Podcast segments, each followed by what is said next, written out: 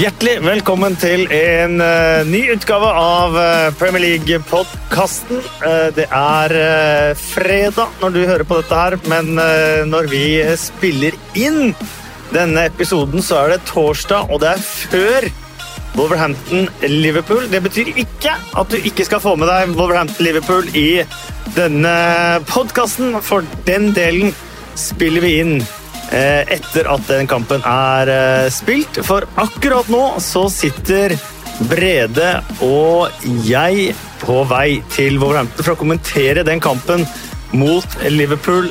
Rett og slett. Så det vi gjør, vi går gjennom de kampene som er spilt til eh, nå, og så får du Wolverhampton-Liverpool helt til slutt. Men vi måtte jo benytte muligheten da, når jeg først var sammen med deg, Brede, og ha deg med i podkasten, for der er du altfor sjelden.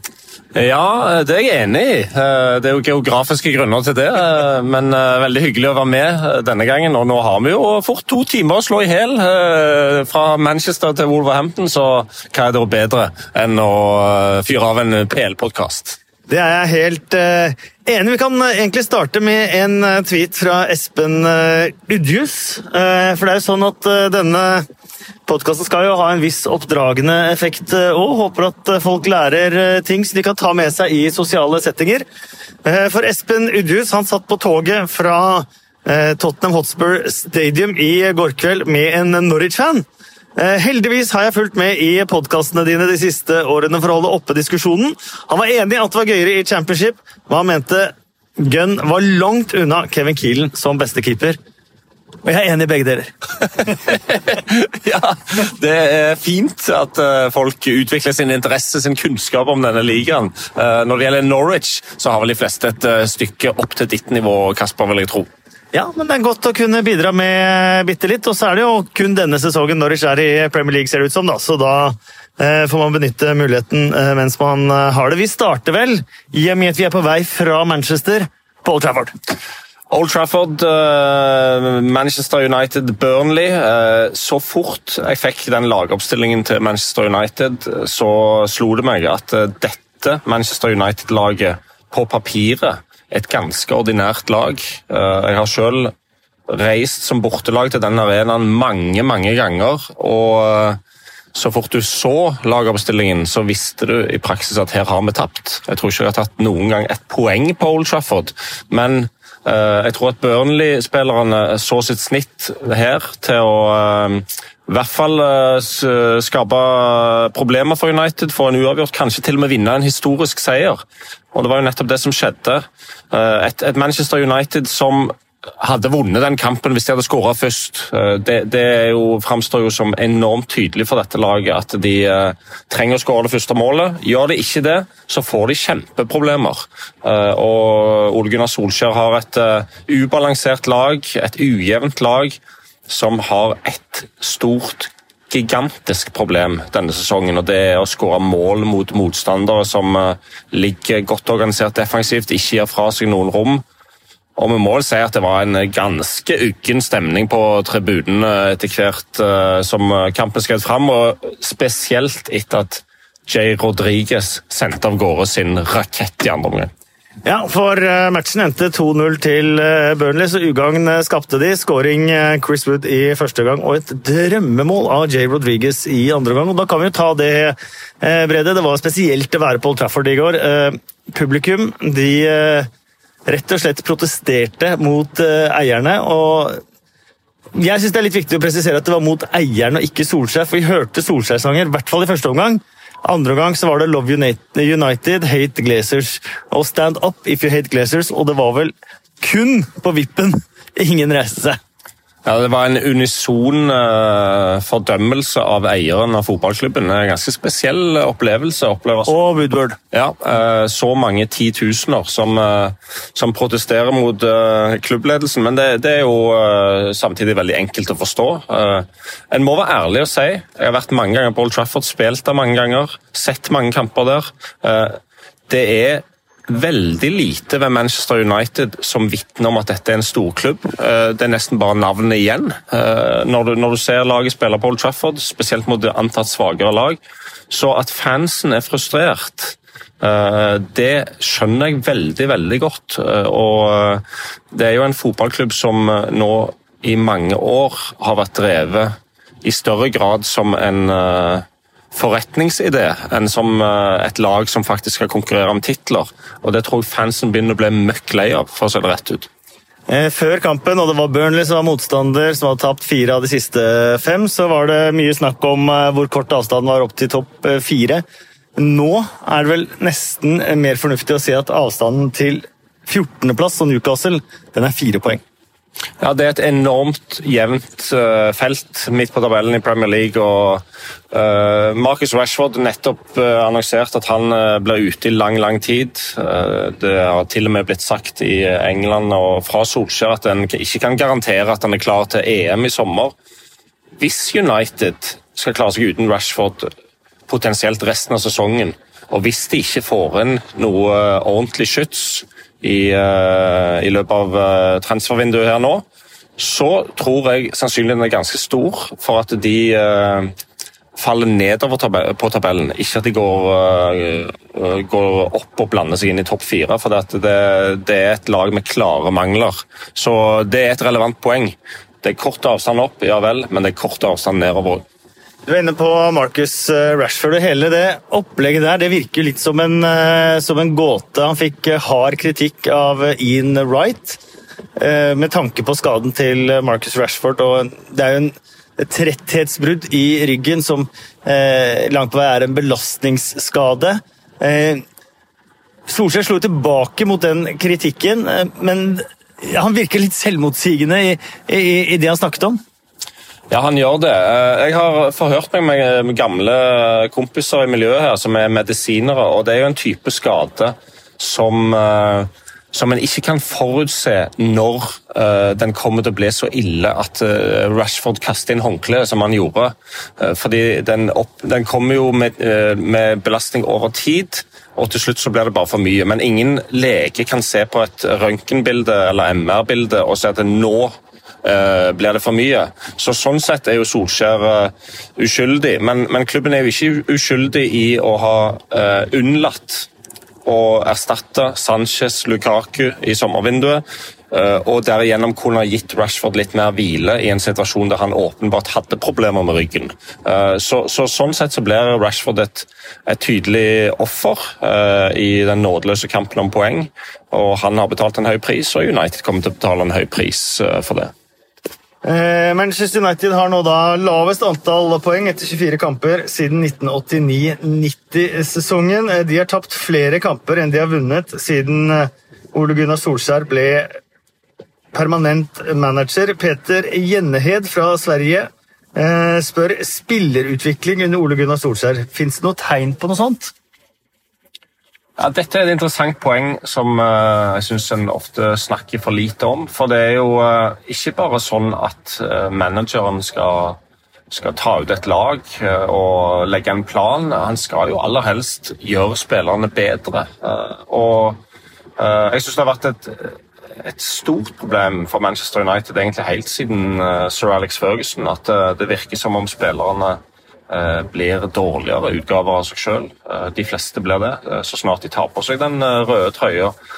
Og jeg skal ikke si at Solskjærs spillere blir dårligere, men det en i hvert fall kan konkludere med, sånn rent fotballfaglig, at det, det, har gått veldig lang tid nå. Det har gått over et år siden Solskjær eh, først ble midlertidig manager og senere permanent, der en fremdeles ikke ser et spillemønster.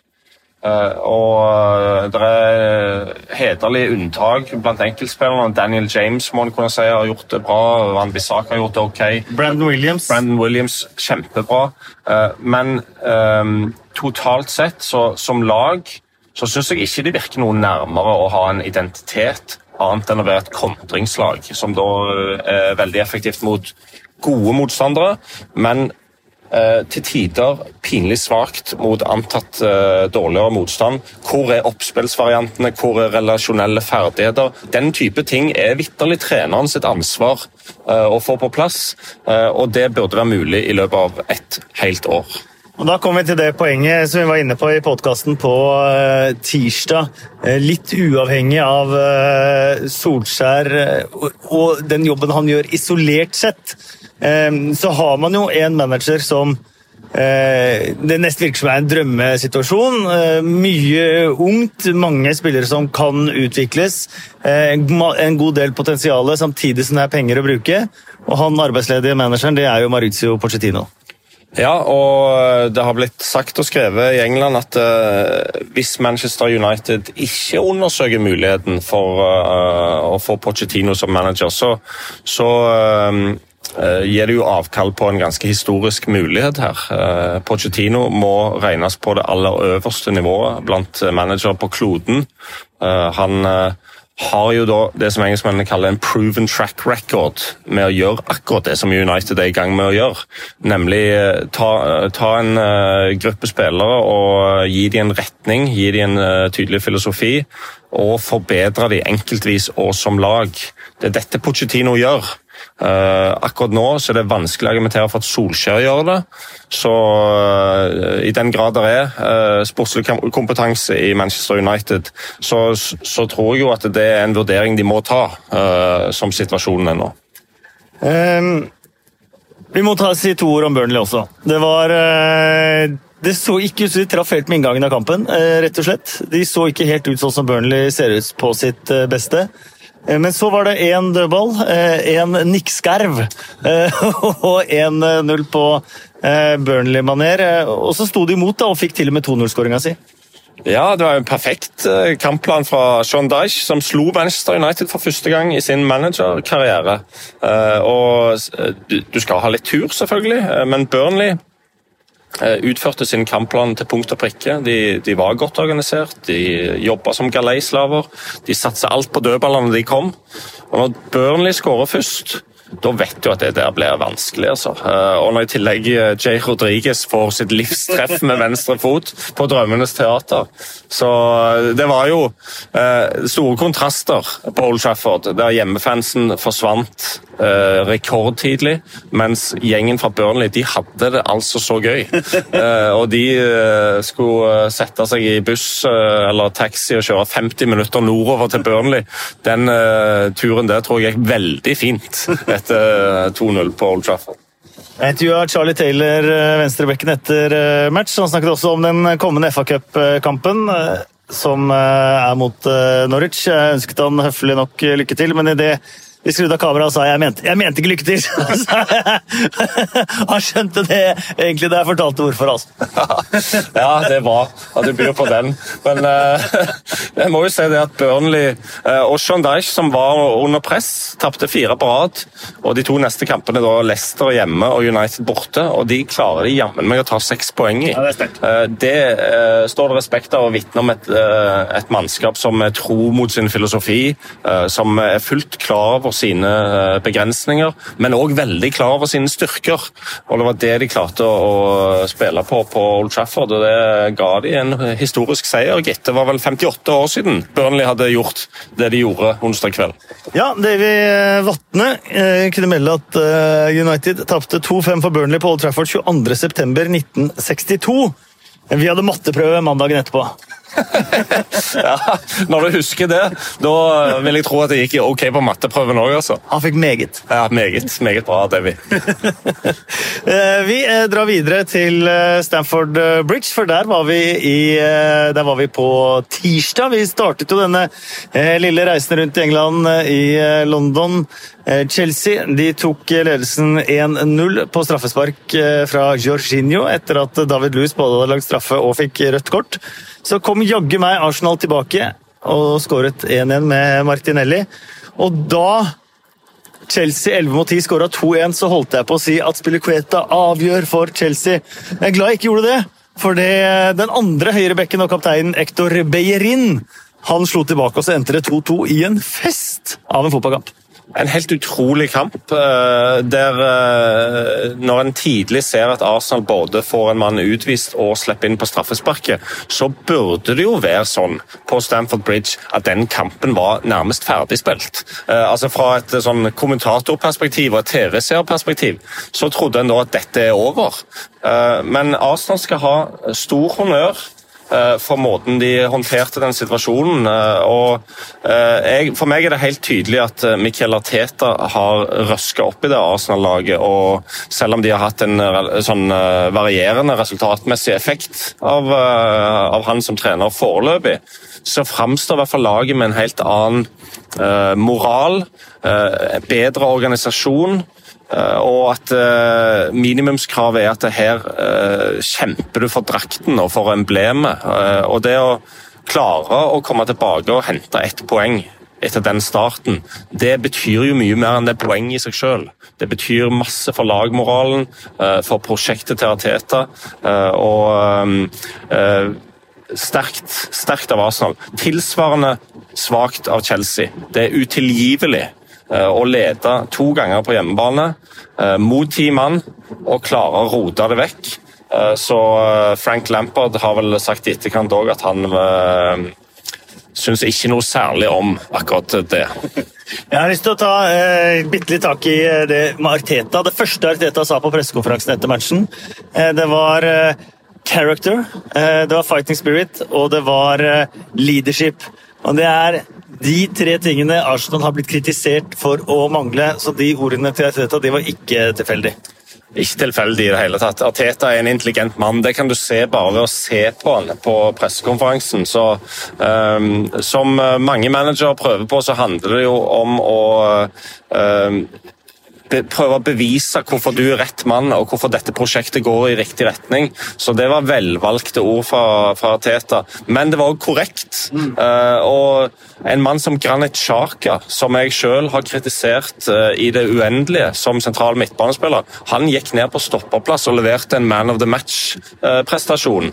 han var omtrent feilfri, eh, og eh, sånn sett så eh, var det en nesten utrolig forvandling fra, fra den Sjaka som en til tider så som midtbanespiller under MRI? Ja, eh, Det slo meg òg at eh, kanskje han bare har spilt i feil posisjon eh, hele livet. De gjorde jo klar Holding-bytte, skulle bytte inn Rob Holding. Så klarte Sjaka seg så bra at Holding måtte kle på seg at skulle de sede han, tipper jeg. Og så var Sjaka rett og slett så god at det var helt naturlig at han spilte stopper resten av matchen. Ja, og han øh, gjorde det meget bra. Og det, det, og det blir interessant å se om, øh, om han rett og slett kan omskoleres til midtstopper. Uh, David Louise syns jeg jo er en, en spiller som som øh, gjør for mye feil, øh, egentlig, for, til å være til å stole på hvis du vil bli topplag i Premier League. Og, og Arteta kan fort finne på å gå med Chaka som stopper og sette Louise ut av uh, laget. Uh, han ble jo nødvendigvis, uh, Det ble jo en karantene, så, så det var spennende å se til neste kamp. Holding, som omsider kom inn, da, var jo skyld i 2-1-målet til Chelsea, der han er feilposisjonert i blokkeringsposisjonen som midtstopper på et ganske enkelt innlegg. Så Arteta har nok fått litt å tenke på der og fått en ny kandidat som midtstopper. Eh, spesielt også at det er David Louise på sitt retur til Stamford Bridge, eh, hans eh, første match der etter at han ble Arsenal-spiller, som blir utvist. Helt kjapt en liten diskusjon om det røde kortet. VAR bestemmer at det røde kortet det er korrekt, at han ikke gjør et genuint forsøk på å nå ballen, var begrunnelsen til, til VAR. Eh, og vi har sett at det er delte meninger angående, angående det røde kortet i etterkant. Ja, min eh, mening er ikke delt, for å si det Ikke min heller. Altså, eh, nå er jo jeg eh, fanga i en tankegang som midtstopper for evig og alltid, men eh, mitt enkle spørsmål i den situasjonen er hvorfor i all verden skulle David Louise gjøre noe annet enn et forsøk på å ta ballen i den situasjonen? Altså, eh, Det er en spiller som har åpent mål, skal bare sette han inn. Det er en desperat handling for å prøve å gjøre noe med det. Eh, Han, eh, han går jo selvfølgelig ikke inn der for å, for å ta mannen. Han prøver på desperat vis å ta ballen, mislykkes. Gult kort og straffe uh, syns jeg er helt riktig i den situasjonen. Det er jeg eh, for så vidt eh, enig i. For eh, Chelsea og begge, for, begge, for begge lagene var jo egentlig seier veldig veldig viktig, men nesten enda viktigere å ikke tape. Det klarte i hvert fall begge to. Vi tar turen videre til Goodison Park. Også det endte 2-2 etter et vilt drama, får vi si. Everton eide hele matchen, kjørte på i 94 minutter nesten. Da dukket eh, midtstopper Florian Lejeune opp to ganger og skåra fire og fem minutter på overtid, så det ble 2-2. Vi kommer eh, til eh, den, men først må vi snakke bitte litt om skåringa til Moise Keane. At han endelig fikk den første. og Jeg føler nesten sånn helt fotball-England under av den skåringen.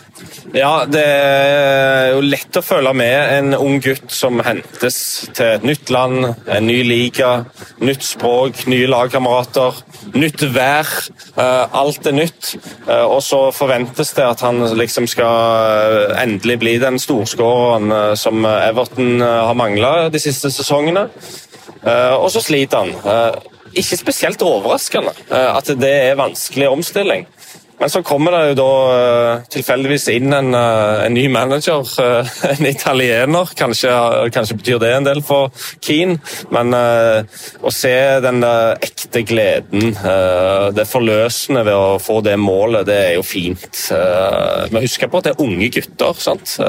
som forventes å være maskiner uten følelser, men det er jo naturligvis ikke sant. så det var stort øyeblikk for han. Stort øyeblikk for eh, han. Stort øyeblikk for eh, Florian Lejeune. Nå ble bytta inn 20 minutter før, uh, før slutt. Den første skåringa er brassespark. Den er rett og slett vakker. Den andre skåringa er et av de styggere målene denne sesongen. Uh, uheldigvis for Jordan Pickford sto han inne i mål da han skulle redde. Det betyr at ballen også forsvant over linja. Uh, fantastisk øyeblikk når alle jubler, men ingen vet hvem som har, eh, har skåra målet. Eh, og det fra Florian Lejeune som kom i fokus i forrige hjemmekamp. Eh, for Newcastles kampprogram de har en sånn spørsmålstombola. Hvor folk kan sende inn sine spørsmål, og så skriver de ned det. og Så legger de i en sånn tombola, så skal spillerne trekke ut spørsmål og svare på det. Det Newcastle hadde da skrevet ned lagt opp i den tombola-boksen, og som Le Jeune trakk, var hvis du har én time på å kvitte deg med et lik, hvordan skulle du gjort det? Og Le Jeune han hadde svaret, faktisk. Det hadde han full kontroll på, gitt. Eh, I kampprogrammet en veldig detaljert beskrivelse fra Le Jeune. Da ville han tatt dette liket, lasta det opp i bagasjerommet, kjørt til kysten, lasta liket på en båt ut på havet og senka det ned. Så det måtte en ikke lure på.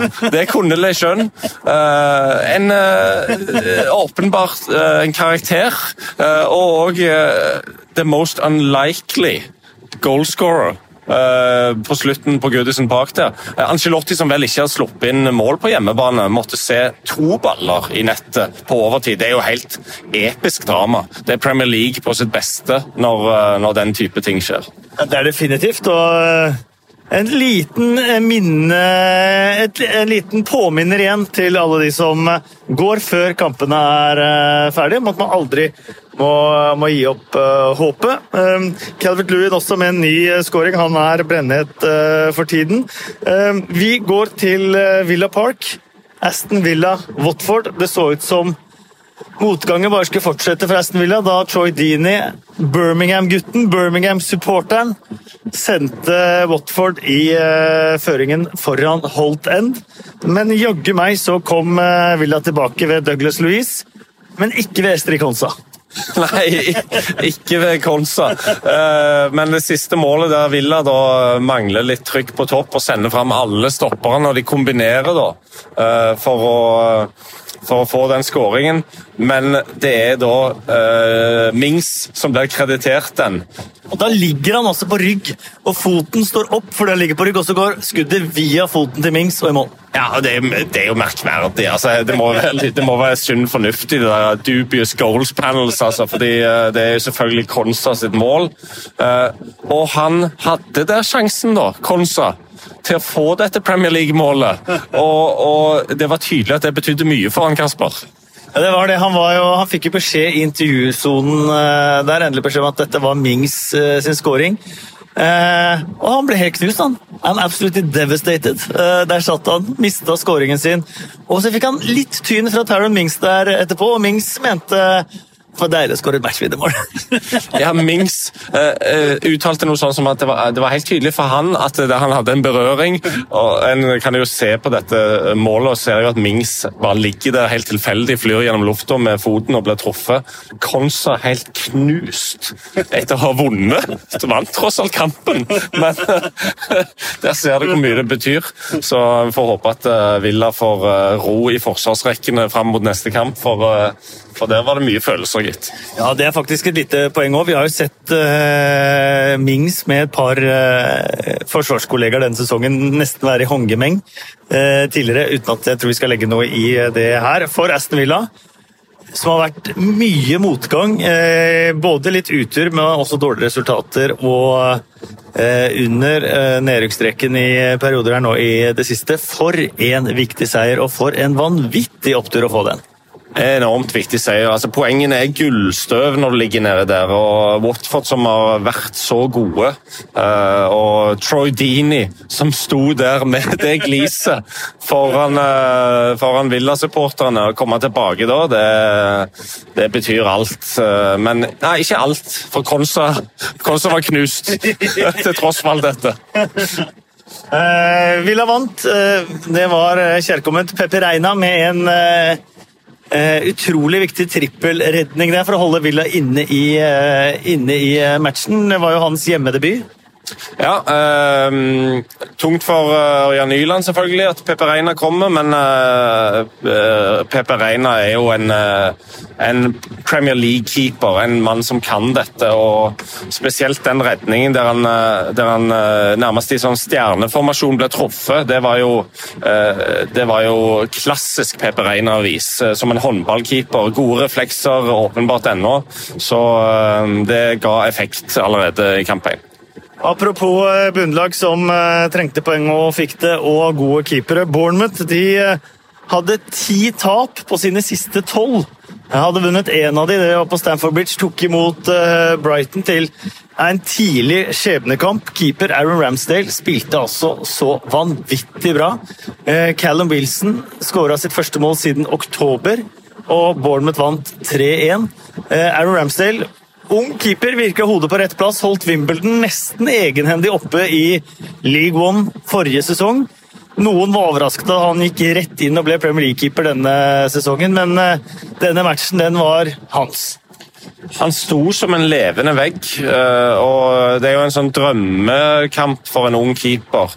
Spiller for et lag som sliter fryktelig. Eh, alt går galt i en lang periode, og så da er kommunikasjonen internt. Eh, her må vi liksom stå opp for, eh, for saken, og alle må eh, dra i samme retning. og Vi trenger noen helter. Og Så er det den unge keeperen da, som, som gjør det. Han vakte opp med noen redninger som fikk panelet i Match of the Day til omtrent dette av stolen. Så det, det var imponerende og vel fortjent når en type som du ser som du ser er en bra fyr, får belønning for strevet. Det betyr også at Bournemouth er oppe på 23 eh, poeng, sammen med Watford, sammen med West Ham. Utrolig eh, viktig. På Bramall Lane der tok Sheffield United mot eh, Manchester eh, City. Manchester City brant straffe, der keeper Dean Henderson var en meter ute fra streken da straffesparket gikk. men City fikk ikke ta straffesparket på nytt. Inn med Sergio Aguero, og det betød matchvinnermål 1-0.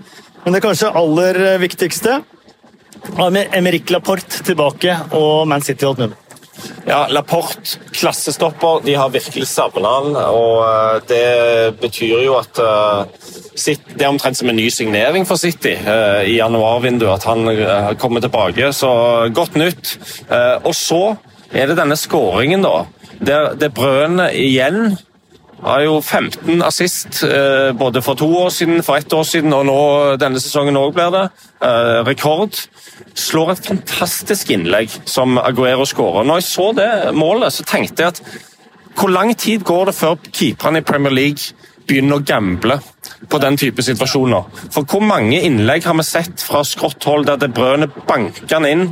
Eh, overraskende hardt mellom keeper og ryggende forsvarsrekke, og noen, eh, oftest Aguero, da, setter den inn eh, på bakre stolpe. Keeperne må begynne å gamble på akkurat det. For det skåres så mye mål av Manchester City på akkurat det samme opplegget. Eh, og du ser sjelden eller aldri at De Bruyne skyter fra skrått hold mot nærmeste stolpe. Så eh, jeg tror de rett og slett blir overraska hver gang. Det blir jeg sjøl når jeg ser disse målene. Over hvor enorm kvaliteten er, og hvor harde disse innleggene er fra Kevin De Bruyne. Eh, Mo Besic, Sheffield Uniteds eh, herlige bosnier, som jeg alltid har hatt litt sansen for, men som har en mørk eh, side. Han eh, prøvde jo å sende Laporte rett tilbake på sykestua. Doy Nguyen mener eh, eh, det er kaktus til linjedommeren på Bramall Lane, som har én jobb på straffespark og klarer ikke det engang. Eh, vet vi er lei av VAR-prat, men dette er jo et tegn på det rister veldig i bilen her. Eh, Jeg har skrevet med liten skrift. Vi, vi, for de som har glemt det, så kjører vi altså mot Wolverhampton nå. Eh, Dette er jo tegn på hvor håpløse retningslinjer er når de skal eh, inn og pirke på millimeter offside, men ikke har lov til å ta keeper én meter fra linja. Det er jo for så vidt med på også. Franco også kaktus til Mohammed Besic. Hva er det han tenker med? Du har jo hatt dine skader opp gjennom også, Brede. Når du akkurat er tilbake fra en skade, er det sånn at både du og lagkompisene er litt ekstra påpasselige på sånne ting da? Ja, det er ingen tvil om det. Eh, Du har jo eh, en tung tid friskt i minne når du kommer tilbake. Samtidig så er det jo inne i kampen og, og, må naturligvis behandles på lik linje med alle andre spillere. Men for den det gjelder, så er det ingen tvil om at, eh, at en er litt ekstra forsiktig og, og, og frykter et tilbakeslag eller en ny skade i en sånn situasjon. Så, så eh, jeg tror nok Laporte var godt fornøyd med å komme helskinna gjennom eh, der. Og, og eh, Guardiola garantert kjempehappy med at det gikk bra. For eh, det er en mental greie å komme tilbake etter et langt avbrekk. Det har vært enorme forventninger. Eh, Omgivelsene bare presser på for at du skal inn igjen, eh, og da har du det i bakhodet. For Jeg reagerte litt på det med å innrømme at ingen av lagkompisene til Laporte var borte og sa fra ordentlig til Besic. I hvert fall ikke det jeg kunne se. Ja, det burde de ha gjort. eh, egentlig uavhengig av om det var Laporte. Eh, så stygge situasjoner så forventer du egentlig at lagkameratene tar et tak og markerer revir, eh, hvis en kan bruke det uttrykket. Eh, så, så det var litt overraskende. Eh, godt at det gikk bra med Laporte. Det var uh, veldig bra. Apropos skader, uh, Brede. Du fortalte meg i går om din mest smerte, ditt, mest smertefulle øyeblikk. Uh, Og det, det føler jeg må deles med flere enn bare meg. Ja, Jeg får vondt bare å tenke på det øyeblikket, men uh, nå uh, var det sånn at vi var og spilte kamp Dette var i 2010, det var den berømte Europaliga-sesongen til Fulham. Vi spilte kamp på Old Trafford på en søndag. Skulle møte Juventus i returoppgjør på torsdagen i det som da ble den mest berømte kampen jeg noen gang har spilt. Skulle ende opp med å slå Juventus 4-1. Men eh, søndag, mandag, tirsdag var et smertehelvete. Eh, da jeg var på Old Trafford og i eh, en kamp vi selvfølgelig tapte. Den gangen var jo Manchester United veldig gode. Eh, men eh, jeg var oppe, da oppe i en duell og fikk det som legen eh, dagen etterpå beskrev som a car crash injury. Eh, to brekte ribbein og ett ribbein ut av ledd. Ekstremt vondt. Uh, husker jeg sto på perrongen, vi tok tog tilbake til London. Syntes veldig synd på meg sjøl og hadde det fryktelig vondt. Sov ikke ett minutt den uh, natten der. Så var det da av gårde, omtrent liggende i en taxi dagen etterpå, opp til et sykehus i London, eh, der eh, en eh, sånn spesialist da forklarer at det, det fins en mulighet for å spille denne kampen mot Juventus, men det kommer til å gjøre vondt sånn, sier han. This is gonna hurt sånn. Eh, Og han måtte da sette en sprøyte med noe sånn bedøvende middel rett inn i det leddet som da var nærmest knust sant? og fullt av inflammasjon. Og tilfeldigvis akkurat det punktet der store deler av nervene eh, som skal ned og ut i kroppen, går gjennom. Så jeg ligger da på det bordet, Klubblegen holder fast skallen, eh, for spesialisten sier at du må ligge stille nå. Eh, for hvis jeg setter denne nålen en halv centimeter feil, så punkterer lungene. Så det var premissene. Og jeg lå da på, den benken og ser denne nålen komme over inn i synsfeltet. Hvor lang var den? Den er ti centimeter lang. Og den må settes akkurat på rett sted. Og den følelsen i det væsken sprøytes inn i, uh, i dette leddet. Det var som det gikk strøm i hele kroppen. For det, her gikk jo disse nervene, og det var altså så vondt. Uh, men samtidig litt fint å ha vært gjennom. For det, dette setter alle mulige andre uh, problemer og fysisk smerte i et perspektiv. Det er en slags benchmark som en ikke kommer opp til. I hvert fall har jeg ikke gjort det siden. Nei, jeg tror aldri jeg har vært, vært der. Eh, i det hele tatt, men eh, takk for at du deler. På eh, jeg holdt på å si Filbert Street, men det heter jo King Power Stadium. Tok Leicester imot Westham. De vant ganske greit 4-1. De har nå 52 mål på 24 kamper, Leicester. Det er det meste de har hatt etter 24 runder siden 1930-31-sesongen. Så måla de flyr inn for Leicester, men verre for dem er det at Jamie Vardy måtte hinke av med noe som så ut som en eh, strekk. Nå har riktignok Brennan Rogers tonet det litt ned, men eh, litt bekymringsfullt likevel. Definitivt. Eh, selve kampen savna de han ikke. Andre tok ansvar. Jose Perez Pereira var enorm på høyrebekken. Altså For et angrepsvåpen Ricardo Pereira er. Men det er jo klart at hvis du tar litt på samme måte som du tar Rashford ut av United-laget. Tar du Vardy ut av Leicester-laget, så er det jo en, en vesentlig svekkelse. Uh, og uh, det er jo merkverdig med engelske spisser og mannefall. Kane skada, Rashford skada, Vardy skada. Uh, Abraham, Abraham hinka òg av banen. Uh, Gareth Southgate har litt å tenke på før uh, EM til sommeren. Uh, men Leicester tok seg greit av Westham, og så får en se om dette skadeavbrekket blir langvarig. I så fall så, så er det det siste Brennan Rogers trenger. Westham nå da, de er jo da A-poeng med Watford og Bournemouth under streken. Ja, eh, Westham har jo, eh, må en vel konkludere med nå, eh, et eh, ikke spesielt godt lag eh, i eh, Premier League. og så får en se om Moyes klarer å skrape sammen nok poeng. det er vel det det handler om. resten av sesongen de er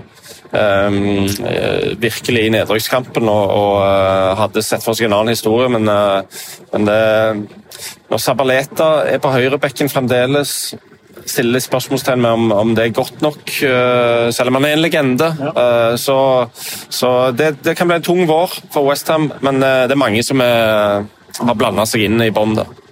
Det er en del der nede. Det er fra 15 og ned, i hvert fall. Vi drar til Nord-London. Tottenham 2, Norwich 1. Tottenham med sine første ligamål i 2020. Første ligamål siden Harry Kane. Eh, Skåra på straffa. Det var vel mot Norwich, faktisk. Så eh, da ble det 2-2 den gangen. Nå vant, eh, vant Spurs. Serge Aurier så jeg, han har syv målgivende alterneringer denne sesongen. Det har gått litt under radaren for, eh, for meg, men man kan ikke friskmelde lag etter at de slår Norwich hjemme. Det er vel en lærdom man har sett denne sesongen. Ja, Det kan du ikke, og det er fremdeles vanskelig å, å la seg overbevise om eh, prosjekt Mourinho. og Hvilken retning går de? Eh, det var en helt jevn kamp mellom Tottenham og Norwich. Norwich til tider, som de egentlig alltid gjør, mot gode lag. Glitrende spill. Eh, sto og vippa denne kampen her, og så er det sånn da som etter et tilfeldig mål helt mot slutten, en uh, deflection på første stolpe for å heade inn seiersmålet. Så det, det, var en lettelse for Mourinho, men uh, han fortsetter jo å uh, registrere at laget hans ikke er så godt defensivt som en forventer av Mourinho-lag. han snakker om at Eh, de, de, spillerne han har til disposisjon, gjør de litt mer sårbare defensivt enn det han egentlig ønsker, men at de må spille sånn. Eh, så eh, Tottenham er på ingen måte friskmeldt, som du, som du spurte der. Det, det, er mye jobb som gjenstår for Mourinho før, før de ser ut til å, være det de bør være. Temo Pukki med sitt ellevte mål for sesongen. Riktignok straffespark, men han har altså skåret mot Manchester City, Liverpool, Chelsea, Spurs og Arsenal denne sesongen. Ja, For en uh, mann han er. Uh, jo rent bord på idrettsgallaen i Finland. Jeg tror ikke det var den pris Pukki ikke hadde med seg uh, hjem i bagasjen. og ja, han, er en nydelig spiller, syns jeg. God avslutter, selvfølgelig, men hans allround-spill, måten han tar imot ballen, setter, får, involverer andre Eh, kan gå i bakrommet, kan møte, kan gå ut på kant og linke opp med andre. Han er rett og slett en komplett spiss. Så eh, der har Norwich en kjempespiller. Så det er synd for Norwich sitt vedkommende at, eh, at en, som det sto Uh, harsh lessons every week for, for Norwich, en uh, avis her. Det virker sånn. Uh, på sitt beste. Mer enn gode nok til å være i Premier League, men blir tatt litt på sånn naivitet. litt for rotete organisering defensivt. Og en endeløs rekke med skader. det var som Farke sa, de prøver å bestige Mount Everest uten redskaper. Ja.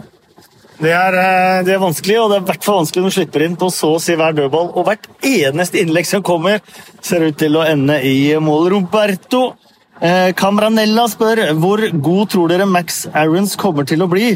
Eh, kan umulig være kanarifugl om Pookie Party fortsetter i championship. Og det tror jeg nok Roberto har helt rett i. Har jo vært veldig linka til Tottenham lenge. Eh, så spilte vel Tottenham litt ned i forkant av denne kampen her, men Aarons skaffet eh, straffesparket. Og ja, Før forrige sesong hadde jeg ikke hørt om Max Aarons, må jeg innrømme. Spilte en fantastisk sesong i Championship.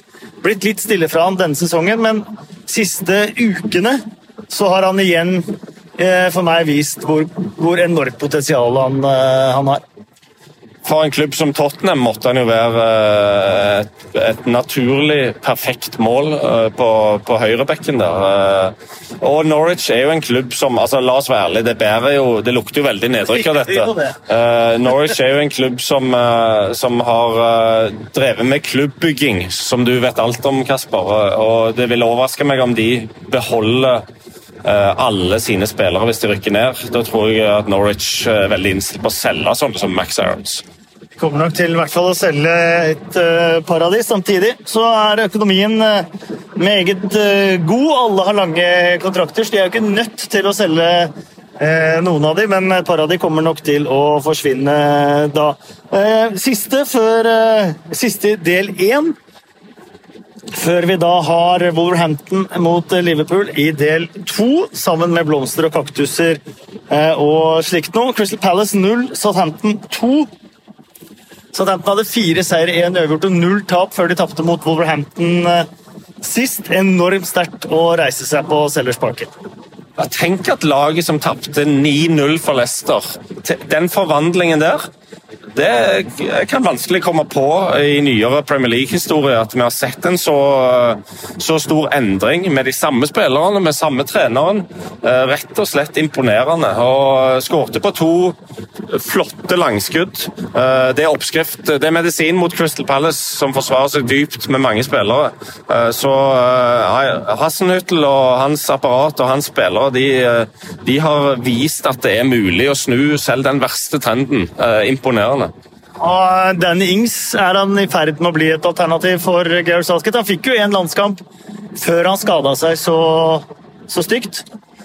Ja, Han må nødvendigvis eh, være i ferd med å bli et alternativ, fordi eh, de faller som fluer, eh, de andre kandidatene.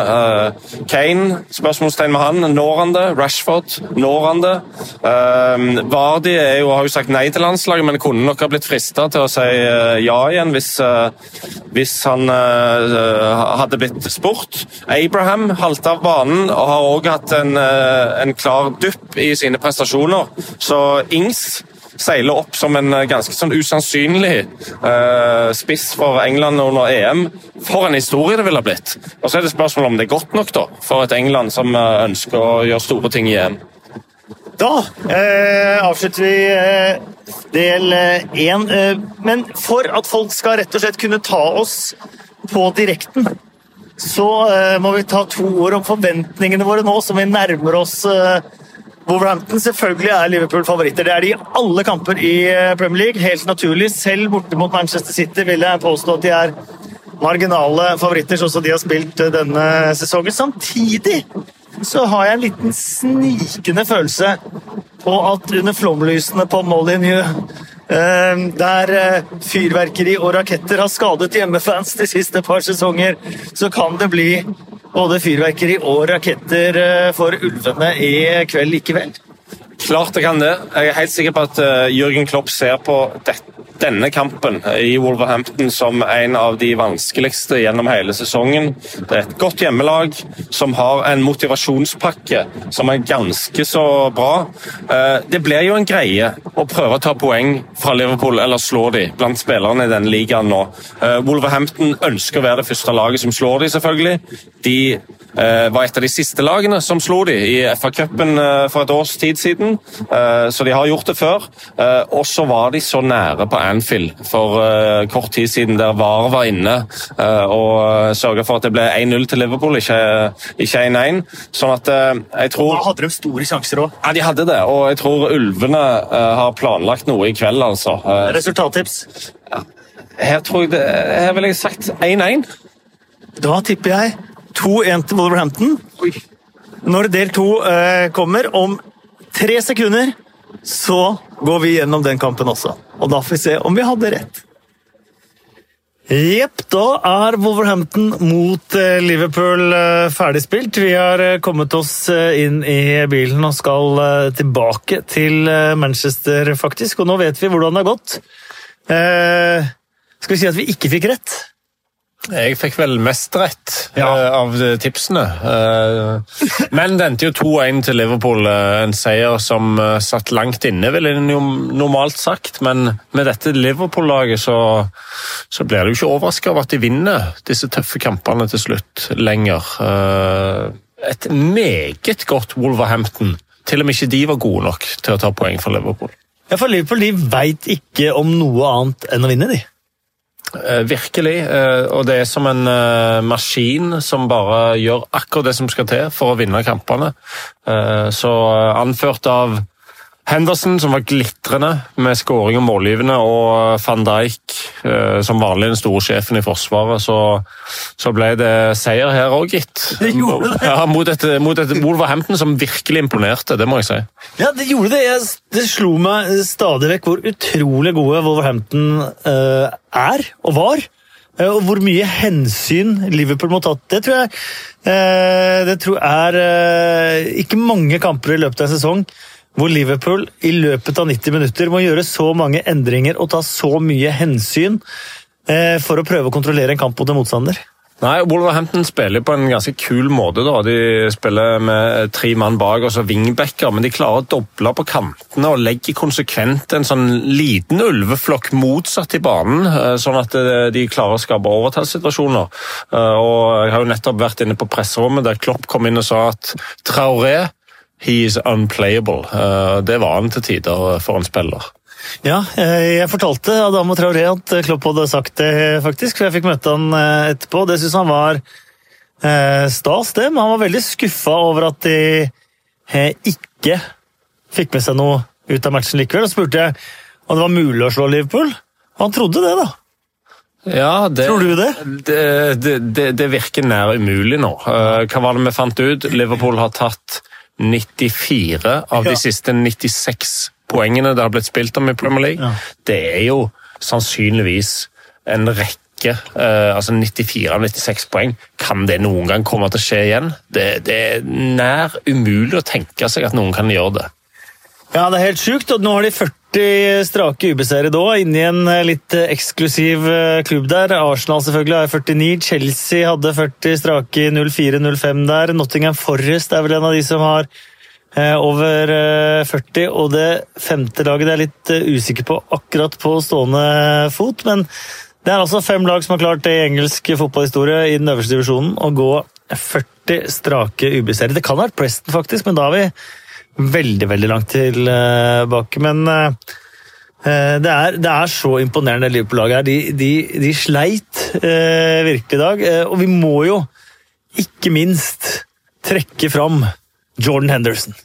Ja, eh, kroppsspråket, til, kroppsspråket til Jordan Henderson er en mann som har gjort det til sitt livs misjon eh, å løfte Premier League-trofeet. Eh, og Han eh, pisker lagkameratene rundt, han skårer mål, han er framme og gir den målgivende der. Så han er virkelig en god spiller nå. altså. Hvem hadde trodd det? Mannen som sir Alex Ferguson for mange år siden sa han går feil, han kommer aldri til å bli god nok. Han har motbevist mange kritikere. Ja, Det har han gjort, og det har tatt tid. Det har tatt tid før han har fått uh, den anerkjennelsen han uh, fortjener. Mange Liverpool-supportere også lenge mente at han var hemskoen i, i dette laget. her. Ja, og en kan selvfølgelig kritisere han fremdeles for at han ikke er verdens mest kreative spiller, men uh, Jordan Henderson Eh, passer perfekt i Klopp-systemet. Han eh, er taktisk smart, han har en enorm arbeidskapasitet, han er duellsterk, og ikke minst den mentaliteten som han har, da, som er, som er det som eh, Han er vinner. Ja, virkelig. Dette uttrykket til Klopp, 'mentality monsters', det representeres aller best ved Henderson. Eh, litt eh, ros, eller mye ros, til eh, Wolverhampton eh, også. Vi har jo kommet rett fra stadion der, så vi kan jo begynne med det eksteriøret han har sagt. For en vanvittig atmosfære Molyneux leverte! Ja, det diskuteres jo i det vide og det brede atmosfære i engelsk fotball. og Dette må jeg si gikk langt utpå til og med Anfield, som har vært i fyr og flamme denne sesongen. Altså, Det var flammer, det var musikk, det var en sinnssyk atmosfære på, på tribunen, og der vi satt helt oppunder taket. Ja, Den slo jo bare lyden ned tilbake på oss, liksom. Ja, virkelig. Så, så det var rett og slett en, eh, en, festkveld i en by som for øvrig, Kasper, ser ganske forglemmelig ut. Det, det, må vi jo innrømme. Her vi står i bilkø på vei fra stadion, men uh, dette var en fin klubb, altså. Meget godt lag, uh, og de skapte en perfekt ramme rundt kampen. Eh, Raúl Jiménez eh, nå oppe i 20 mål denne sesongen og legger på ni målgivende, da. Eh, alle turneringer. Det er vanvittige tall, faktisk. Helt utrolig tall, og ikke bare skårer mål. Han er òg allround-spillet hans er meget bra. God fysikk, god forståelse for spillet, jobber steinhardt. En klassespiss. De har jo egentlig ingen backup heller. Han spiller alle kampene hele veien eh, og eh, gjør det på et eh, veldig høyt nivå. Jeg vet at en del Wolverhampton-supportere har irritert seg over meg, fordi at Raúl Jiménez han kom jo Eh, som en Jeg eh, har kommentert han både for Benfica jeg har sett han for, og kommentert han for Mexico. Jeg har aldri sett på han som noen stor avslutter, og jeg syns ikke han var noen stor avslutter i starten av eh, karrieren i Wolverhampton. Jeg syns han brant mye, mye sjanser. Eh, men det er jo lov å bli bedre, og det er jo lov for eh, trenerapparat å gjøre spillere bedre. Ja, definitivt. Det skal de jo gjøre. Eh, det slo meg òg, jeg så pressekonferansen til Nuno Spirito Santo fin mann. Ja. God fotballtrener. Uh, han, sa, han, sa, bare ganske enkelt 'we played very good'. Mm. Uh, han var superfornøyd med prestasjonen. En type trener som uh, er utviklingsorientert, litt i samme, samme, type som Klopp. da, at han, han, er opptatt av å løfte prestasjonene litt etter litt, så vet han at resultatet nok skal bli en konsekvens av det. Så han satt og smilte til pressekonferansen og var kjempefornøyd med det laget leverte. Så skal jeg da spise i meg ordene om Raúl Jiménez. Jeg syns han er en uh, veldig god avslutter uh, blitt. og Han er jo blant de viktigste enkeltspillerne for noe lag i, uh, i, Premier League, sammen med da Adama Traoré, som Jeg er jo enig med Klopp, han er jo unplayable. Og han tar langt bedre valg enn han gjorde tidligere. Fortsatt har han faktisk litt å hente der, da. Ja, han har det. Han roter seg jo inn i ganske mange sånne situasjoner midt på banen. Eh, men eh, han har virkelig tatt store steg siden den gangen han bare var en uslepen diamant på kantene. Raskere enn alle andre, men det ble helt ufarlig hver gang han fikk ballen. Så nei, eh, de har en duo der som jeg tror mange storklubber veldig gjerne skulle sett var mulig å lokke vekk fra Wolverhampton. Men det, det framstår som et lag i harmoni med en klar idé med en meget god trener. Og til tross for at byen er et, er et veikryss, så skjønner de at her, her blir vi. Vi fikk en Premier League-debutant i dag, i Minamino. Mange Liverpool-spillere har vært, nei, fans har vært spente på, på han. Hva skal vi si? Jeg syns han falt litt gjennom. og Så ble det sagt i etterkant av kampen her at han, han kom jo inn i, etter ca. en halvtime spill. Mané, som hadde tweaked his muscle. Det blir spennende å se hvor alvorlig det er. Men Minamino kom inn i pausen eh, og klagde over eh, litt vondt i leggen, så det er mulig han var litt hemma av det. Men jeg syns i hvert fall at han fikk en ganske sånn tøff debut, der tempoet i Premier League og fysikken virka å være på et nytt nivå for han, naturlig nok. Men vi har jo sett han for Salzburg og vet at Minamino han har kvaliteter. Um, Espen uh, Myhrvold uh, og flere andre snakker om uh, litt på Twitter om at Mohammed Salah var, var ego i et par, par situasjoner. Um, hva, hva, hva, tenker du om det? Vi har jo sett han i perioder at han har gått litt mye for egne sjanser og sånn. Samtidig så ser du de avslutningene han får. Han kunne fort skåra på noen av de òg, da ville jo ingen snakket om det. Nei, det er nettopp det. Eh, og eh, jeg syns jo Mohammed Salah skapte jo sine muligheter litt på egen hånd. Han hadde en del situasjoner, sikkert tre eller fire i dag, der han eh, går på, på langs av Wolves-forsvaret. De kaster seg inn, og han har egentlig like god mulighet til å avslutte som eh, neste Liverpool-spiller, som også står i, nærmest i kø. da. Så Jeg syns ikke det var direkte ego av eh, Mohammed Salah, men uh, kanskje den ene til slutt, uh, som jeg husker med Oxlade Chamberlain, som sto uh, klar til å bare sette ballen i mål. men Salah skapte de situasjonene og var helt greie valg å avslutte sjøl. Da kommer vi inn på Kim S på Twitter som spør om Eh, Salah brenner mye sjanser og sentrer ikke. Bør Liverpool cashe inn på 100 mil pluss pund på han og heller gå for Werner, Sancho eller Mbappé? Det ser jeg på som helt totalt usannsynlig at Jørgen Klopp skulle finne på noe sånn som det der. Uh, han har et mannskap som er komplett. Mohammed Salah er en uh, veldig naturlig og viktig del av det mannskapet. Uh, og en sånn som Mbappé, f.eks. Uh, glitrende spiller med passer i kollektivet til Liverpool overhodet. Oh, liten brannfakkel der. Nei, det syns jeg ikke er en brannfakkel. Det er selvfølgelig mange gode spillere rundt i verden, men, men, hvilke spillere ville Klopp bytta ut for noen som helst andre nå, sånn som det laget der spiller? Uh, vi skal huske på at det, det krever en bestemt personlighet for å være i Liverpool. Det krever en bestemt uh, lagfølelse for å være der, og det krever ikke minst at en vil innrette seg etter ganske så uh, høye krav hva gjelder avtaler, planlegging, dødballer, alt dette fokuset på detaljene. Det, nå er ikke jeg personlig venn med Mbappé, men det slår meg at han er noe mer egoistisk enn det Liverpool-spilleren er. Da eh, skal vi kåre Eller ikke kåre, vi skal dele ut litt blomster, kaktuser og, eh, og annet. Så vi kan jo begynne da med eh, rundens blomst. Det har kommet en del forslag på Twitter. Eirik Wede vil gi det til Beyerin. Fantastisk comeback. Eh, Espen Tangstad gir gjerne en blomst til en knust Esri eh, Konsa, som fikk vite at han ikke skåret vinnermålet likevel. I'm absolutely heartbroken. Well, at least we won, var vel uh, det Konsa sa. Sigbjørn Edøy vil gjerne gi blomsten til Moise Keane, som skårer sitt første Premier League-mål etter svært mye motgang. Byttet ut mot United, rasisme, har hatt stort press på skuldrene, og gleden ved skåringen var så ekte. Um, Frank Sandefett vil gi blomsten til Florian Lejeune for sine to mål mot Everton, og ikke minst at han virker som en gøyal type utenfor banen og henviser til eh, hvordan man kvitter seg med et lik.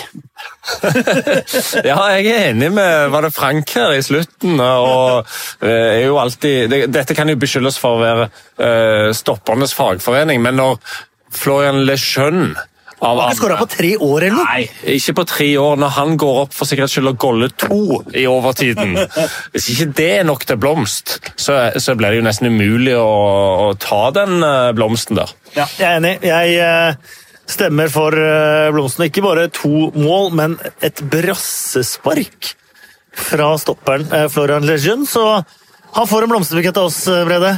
Ja, det er vel fortjent. og bare Brassespark i seg selv ville vært en sterk kandidat. og Når han følger opp med et møljemål uh, sekunder senere, så er det vel fortjent. Eh, da har vi kommet til uh, rundens kaktus. Franco vil gjerne gi den til Besic for taklingen på Emerick Laporte. Jeg er Eh, tilbøyelig til å være enig med den. Eh, Martin Herfjord, kaktus til Woodward og Glazers for å ødelagt Fergusons fundament i United. Trøsteblomst til fansen, eh, skriver han. Det var ikke så altfor mange kaktusverdige situasjoner i løpet av helga. Jeg, kan være enig, enig Besic sin, faktisk. Ja. Øh syns vi skal gå for den. Uh, fordi det var en fryktelig takling, og bra at uh, Laporte slapp unna. Men en ganske kaktusfri runde, egentlig. Ja, det var det. det var det også.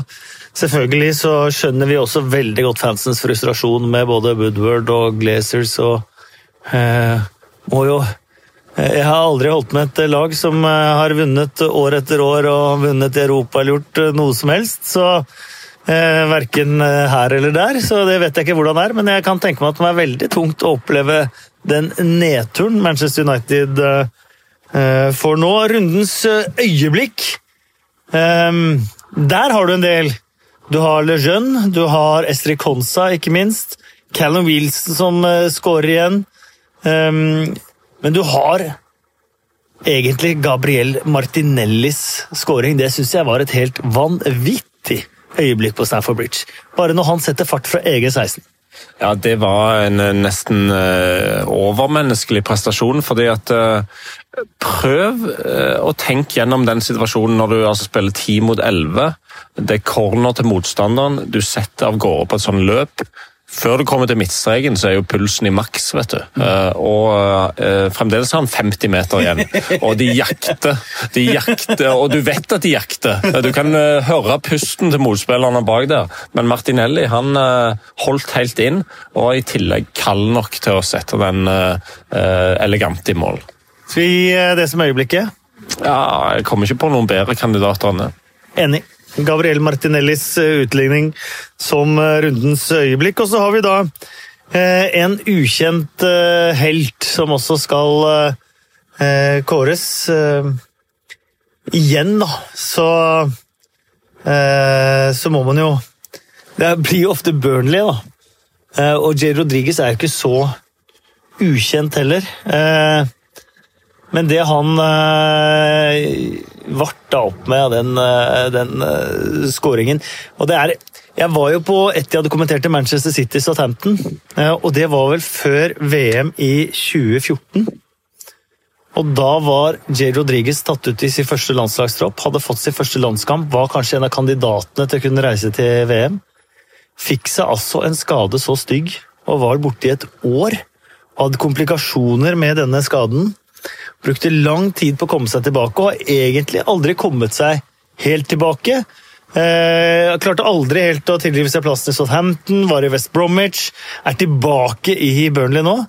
Jeg må si at jeg unner han nesten den suksessen han kan få sånn sett. Ja, eh, og det var jo en enorm uh, enkeltmannsprestasjon. altså Det skuddet der kan man ikke huske så lenge han lever. Jeg vil lansere en jeg er en god kandidat, for all del, men, men jeg vil lansere en annen helt.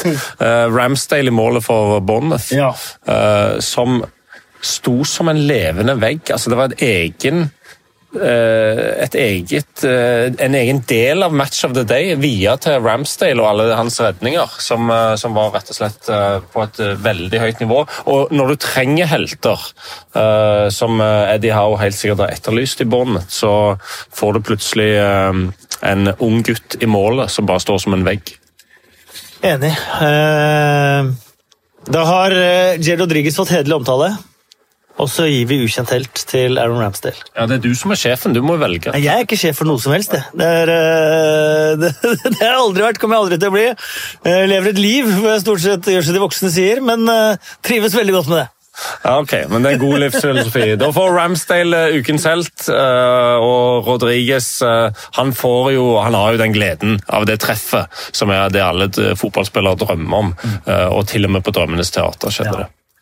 Da var det podkasten for denne gang. Nå er det FA-cuphelg. Det betyr at jeg kan ikke love at det kommer noen ny podkast neste uke, med mindre Ja, vi får se hva som skjer. Uansett så blir Eh, det dette eh, Denne podkasten eh, ble med det.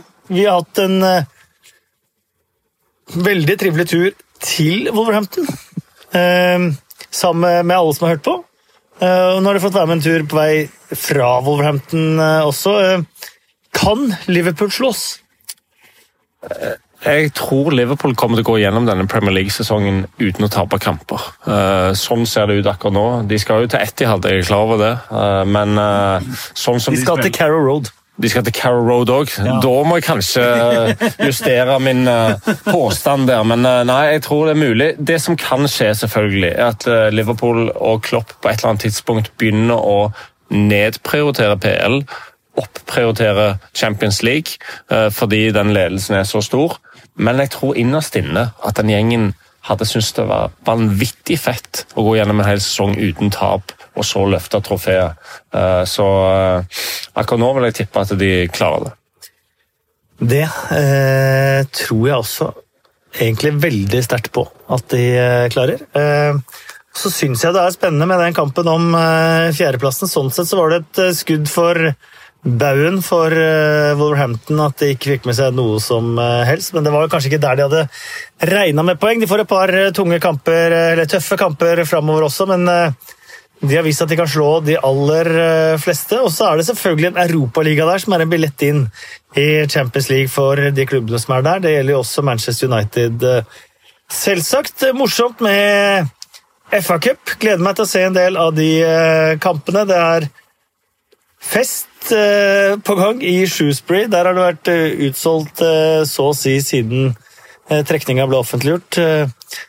Liverpool kommer til Darwins fødested. Jeg beklager hvis jeg sa Isaac Newton på, i løpet av kampen på Molyneux, for det er Charles Darwin som er fra, fra Shrewsbury. Så har vi fått retta på det.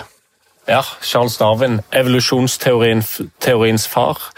Og i fotballevolusjonen kan vi vel konkludere med å si at vi har aldri sett bedre lag enn Liverpool i Premier League. Survival of the fittest, og der eh, ligger Liverpool eh, høyt på lista for øyeblikket. Tusen takk for at du hørte på. Du kan gjerne gå inn på iTunes og slenge inn eh, noen stjerner og en hyggelig kommentar. Du kan følge oss på Twitter. 2PL-pod heter vi der. Um, og så må du ha masse lykke til med laget ditt i FA-cupen i helga, hvis de fremdeles er med der. Det er jo ikke alle som er med så langt som til fjerde runde, dessverre. Men for dem som er med, lykke til, og takk for nå.